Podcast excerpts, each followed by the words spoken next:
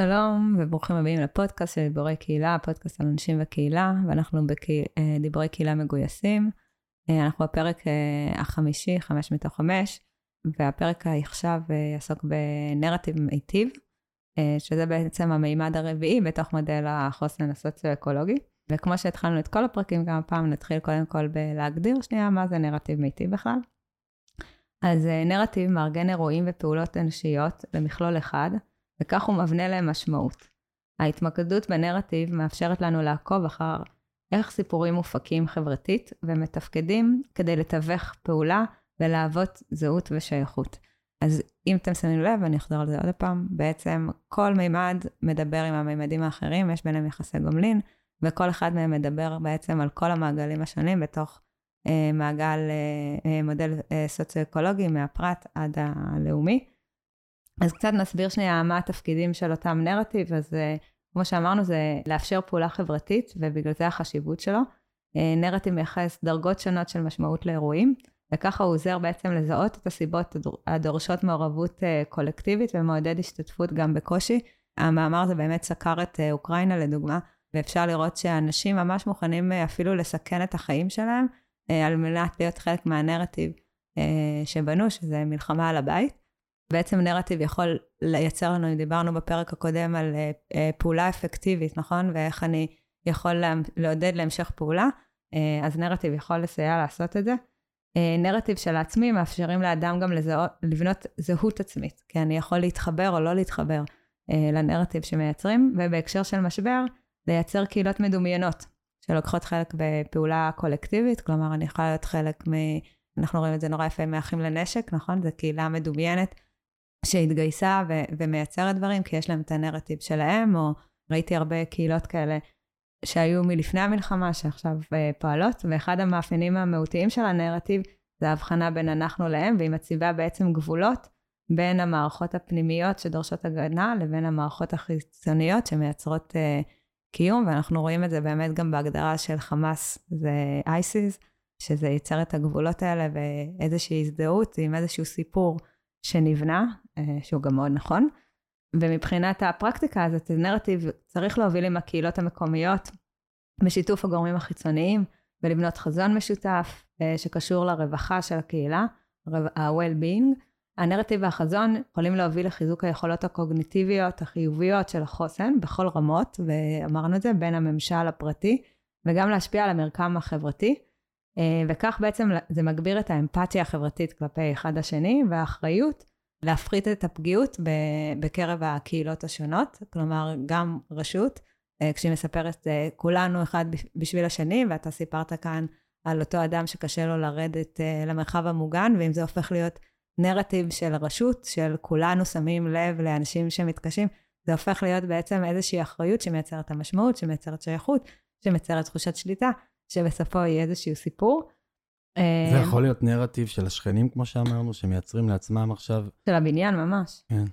ואני אתן דוגמה של איזשהו מחקר איכותני שבדק צמיחה של פוסט-טראומה אה, בקרב אה, פליטות מבורמה, שהייתה שם גם מלחמה, אז מצאו שנשים שחוו צמיחה פוסט-טראומטית, הן בעצם בנו לעצמן נרטיב של התפתחות וגדילה לצד החוויות הטראומטיות שהם עברו, וזה הדיאלקטיקה שדיברנו עליה מקודם, והיכולת לחוות את הגם וגם. והנרטיב מיטיבי, הם, הם עוסקים בדרך כלל ביעדים שהם קצרי טווח, ודיברנו על זה קצת בתחושת שליטה, אה, לגבי ההישגים העתידיים. והם מסייעים לשנות את טבע המחשבות השליליים, כי אני, אנחנו מתמקדים נורא, אמרנו את המילה הזאת, בתקווה, במה שאנחנו בונים, במה שאנחנו עושים, אז הנרטיב אה, אה, בעצם מסייעים למקומות האלה. אני, ישר כשמדברים על בניית נרטיב משותף, זה הולך לי, וגם קצת עסקנו בזה, על הסיפור של צמיחה פוסט-טראומטית. ובמקרה או לא במקרה, גם אחי מתעסק בזה, והסרטים שהוא עושה זה על צמיחה פוסט-טראומטית, וזה מושג שלא כל כך חקרו אותו בעבר, והיום הוא הרבה יותר נחקר, כי מבינים שבעצם על ידי הבניה נכונה, על ידי בנייה של סיפור נכון, זה יכול להיות דרך טיפול, זה יכול להיות דרך צילום, זה יכול להיות דרך הרבה מאוד דרכים.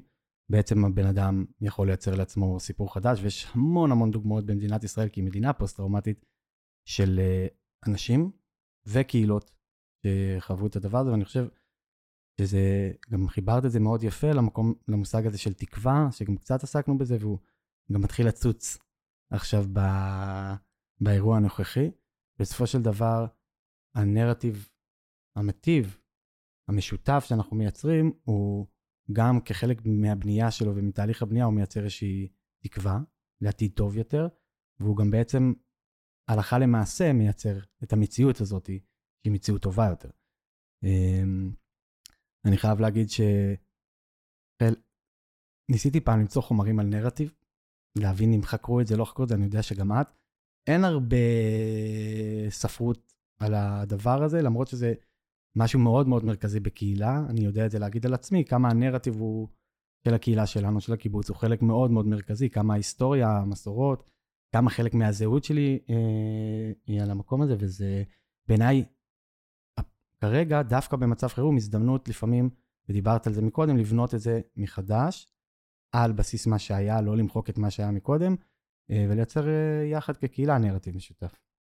אחד המחקרים אה, שקראתי, או המאמרים, כי גם הוא לא בדק מספרים שהיו קשורים למאמר הזה, זה מישהו שחקר את הנרטיב ברשתות החברתיות של המלחמה של אוקראינה-רוסיה. וזה היה נורא מעניין לראות את הצורה שבה בנו את הנרטיב ברמה הלאומית ואיך הוא בא לידי ביטוי בסוף. Mm. גם ברשתות החברתיות של סיפור שהולך, אני חושבת שכאן ראינו קצת אולי משהו הפוך, כאילו הרשתות החברתיות ומובילי דעת קהל בנו את הנרטיב, שבסוף אומץ על ידי, אה, ברמה הלאומית, אבל אני לא חושבת שזה משנה, כאילו. אבל אני, אני כן מרגישה שבמלחמה אה, המתמשכת שאנחנו נמצאים בה, יש איזשהו נרטיב מוביל, אה, שמוביל את כולנו, ואני חושבת שזה חלק ממה שנותן לנו להרגיש את האחדות שיש היום. אה, גם לחברות אה, שתמיד אה, מגדירים אותן בנפרד, אם זו חברה, חברה חרדית שמתגייסת, ואם זו חברה הערבית שמתגייסת גם ועוזרת, ויש לנו איזה סיפור פתאום משותף של, של האזרחים שלנו במדינת ישראל, שהוא נמצא, וגם מבחינת עובדים קהילתיים שעובדים עצמם, אני חושבת שעצירות למידה זה משהו שהוא תמיד טוב. וכדאי שנייה אולי לעצור, אה, גם ברמת הרשות וגם ברמת הקהילתיות, ולחשוב איזה סיפור, איזה נרטיב אנחנו רוצים אה, לספר, כי זה לא סתם קראנו לזה נרטיב מיטיב ולא נרטיב, כי נרטיב יכול גם להיות אה, שלילי. ואז לראות איך אנחנו באמת מייצרים נרטיב שהוא נרטיב חיובי, שהוא מיטיב עם התושבים שלנו, עם חברי הקהילה שלנו, ואז שתוכנית העבודה או הדברים שאנחנו עושים ייגזר, ייגזרו מתוך הנרטיב שאנחנו רוצים לייצר. אבל בואו נגיד שהרשות לא עושה את זה ועסוקה במיליון ואחד דברים אחרים. איך את ממליצה עכשיו לקהילות או לעובדים קהילתיים בעצם לייצר את הדבר הזה בקהילות שלהם? בואו נחלק את זה עוד פעם לעובדים אה, קהילתיים שעובדים אה, אה, ברשויות שלא פונו. אז זה באמת לשבת גם עם נציגים מתוך הקהילה, אבל גם רשויות, זה לא שכולם לא פנויים בבת אחת. אה, אפשר למצוא אה, שעה או שעה וחצי של אה, שנייה לשבת ולחשוב איך אנחנו כרשות רוצים שיזכרו אותנו אחרי הלחימה. יש מישהי באחת המלונות שאמרה לי, בסוף מה שיזכרו בלחימה הזאת, איך יתייחסו אלינו המפונים והמפונות. והם יזכרו את זה לפי, לפי הסיפור שהם יספרו, והסיפור שהם יספרו יהיה לפי המענים והצורה שיתייחסו אליהם. אז אני אומרת, בוא נעשה שנייה משהו אחר. כאילו, אתה יודע מה, אני לא אחלק את זה, זה לכולם, כאילו. בואו נשב שנייה, נעשה איזושהי עצירה, נתכנן איך היינו רוצים, אה, איזה סיפור היינו רוצים שיספרו, אה, שהוא מיטיב, אה, ומתוך זה לגזור בעצם את התוכנית עבודה אחורה. אני חושב שזה גם שנייה, זה לא סתם נקרא נרטיב מטיב, זה שנייה רגע לעצור ולהפסיק לרגע להתעסק באבל, באובדן, להפסיק להתעסק במצב ובחירום, ולהסתכל קדימה, להסתכל רגע בצורה חיובית על מה אפשר לעשות. זה משהו שמאוד מאוד קשה, צריך לראות מתי זה אפשרי, אבל בהחלט זה משהו שיכול לקדם אותנו ולהוציא אותנו יותר מהר מהמשבר. אז כאן אני לא אסכים איתך. אין דבר כזה. כי דיברנו הרבה על הדיאלקטיקה, וחלק מללוות uh, כזה דבר זה גם להבין שיש בו אובדן ואבל ומשבר. Uh, והסיפור צריך לספר גם את הסיפור הזה. חד כאילו, משמעית. אנחנו, אני הרבה פעמים... גם לא, אני לא אומר לעצור את הכל ולא לייצר שיח, זה הדבר הכי גרוע. אני אומר. לא, הבנתי, כן. מבחינת הסיפור שרוצים לספר, אני חושבת שחלק מהסיפור שאנחנו רוצים לספר, זה גם על האבל והאובדן והקושי, וכשאנחנו מתכננים את התכנון הקהילתי, זה יכול להיות גם רשות שהיה בה, אה, אני עושה במרכאות, כן? רק הרוגים או, או חטופים, ואז דווקא היו צריכים להתפנות אה, מאזור שאין בו אפילו טילים, ולראות איך אנחנו מספרים סיפור של קהילה שזוכרת את היקירים לה, כי השביעי לאוקטובר ייזכר לדיראון עולם בכל הארץ, וזה משהו שכבר רוצים לעשות ממנו יום אה, זיכרון לאומי, ואיך אנחנו כקהילה רוצים לזכור את היום הזה, שהוא גם המקום של האבל והאנשים שאיבדנו בתוך הקהילה, אה, אבל הוא גם מקום של אה, עוצמה, של התגייסות, סיפורי גבורה. של מה עשינו, ואז הנרטיב שאנחנו בונים, יהיה תמיד חייב לקחת, ובגלל זה התחל, התחלנו עם זה, כאילו, את, את המורכבות הזאת שאנחנו נמצאים בה, של מצד אחד להיות בשבר עמוק מאוד, ומצד שני גם uh, להסתכל על התקווה ועל העתיד. אני לא יודע אם עשינו את זה במקרה, אבל זה באמת הפרק האחרון שלנו. ואני מרגיש שהמושג הזה ספציפית של אה, נרטיב מטיב, הוא לעומת המושגים הקודמים שהם יותר אולי אה, אה, צריך לעשות אותם כרגע, וצריך לשים לב אליהם ולזה, הנרטיב אפשר גם לא להתייחס אליו, כאילו משהו כזה אולי nice to have כביכול. מצד שני, יש לו חשיבות עצומה, והוא גם בעצם באיזשהו מקום אה, משהו שיכול לעזור ולהוציא אותנו מהמשבר, נכון? התחלנו את זה בחוסן וביכולת התאוששות שלנו. אני חושב שחלק מרכזי מיכולת התאוששות זה מה שאת אה, מדברת פה עכשיו על נרטיב אה, מטיב. וזה בדיוק להתאושש, זה עוד פעם הדיאלקטיקה של היה משהו ו- ואיך אנחנו עכשיו בתוך, ה- בתוך המקום הזה. וכן, הוא מדבר הרבה על תקווה, והוא מדבר הרבה אה, על עתיד, והוא מדבר על הרבה על שאחרי. על היום שאחרי, ואני חושבת, כמעט בטוחה, שכל מחקר שבודק אה, צמיחה, תוך טראומה, אה, מדבר בעצם על הסיפור, ואם נחשוב אה, מי מאיתנו, לא אתם, אני, אה, שעוברים טיפולים פסיכולוגיים, אה, בעצם אני אגלה לכם סוד, זה מה שהפסיכולוג או הפסיכולוגית מנסים לעשות איתכם, אה, לראות איך, הם, איך אתם מספרים את הסיפור חיים שלכם בצורה מיטיבה, שאתם יכולים להכיל אותה עם כל הקשיים ועם כל הדברים שקורים לנו בחיים. לגמרי חוזר גם לווירטו פרנקל והגישה שלו לפסיכולוגיה. אה, מקסים, את רוצה לסכם לנו את הפרק ואולי גם ככה את כל חמשת הפרקים האחרונים? אז uh, הנרטיב בעצם, כמו שאמרנו, uh, הוא המקום שמאגד את uh, שלושת ה... המימדים שדיברנו עליהם לפני זה, שזה שייכות, משמעות ותחושת שליטה, והוא בעצם עוזר לנו לארגן אותם לתוך סיפור אחד, uh, שמיטיב בכל מעגלי המודל הסוציו-אקולוגי, ובגלל זה זה נקרא מודל חוסן סוציו-אקולוגי, uh, שהוא יכול להשפיע מרמת הפרט uh, לרמת המשפחה, הקהילה, רשות, אה, ארגון אה, ברמה הלאומית. אז אה, אנחנו הגענו ממש לסוף. אנחנו כן נגיד שאנחנו אמנם במילואים, אבל אנחנו מאוד זמינים, ואתם מאוד מוזמנים ליצור איתנו קשר, אם זה בטלפונים שלנו, במיילים, אפשר למצוא הכל היום אונליין, זה לא כזה קשה. אנחנו כאן, אם אתם מרגישים שהייתם רוצים כלים פרקטיים יותר מ- לכל דבר אחר בעולם הקהילה בצורה כזאתי, או אחרת, אה, אתם מוזמנים גם על זה ליצור איתנו קשר, ונשתדל מאוד למצוא עוד יום שישי אחד שנגיע להקליט.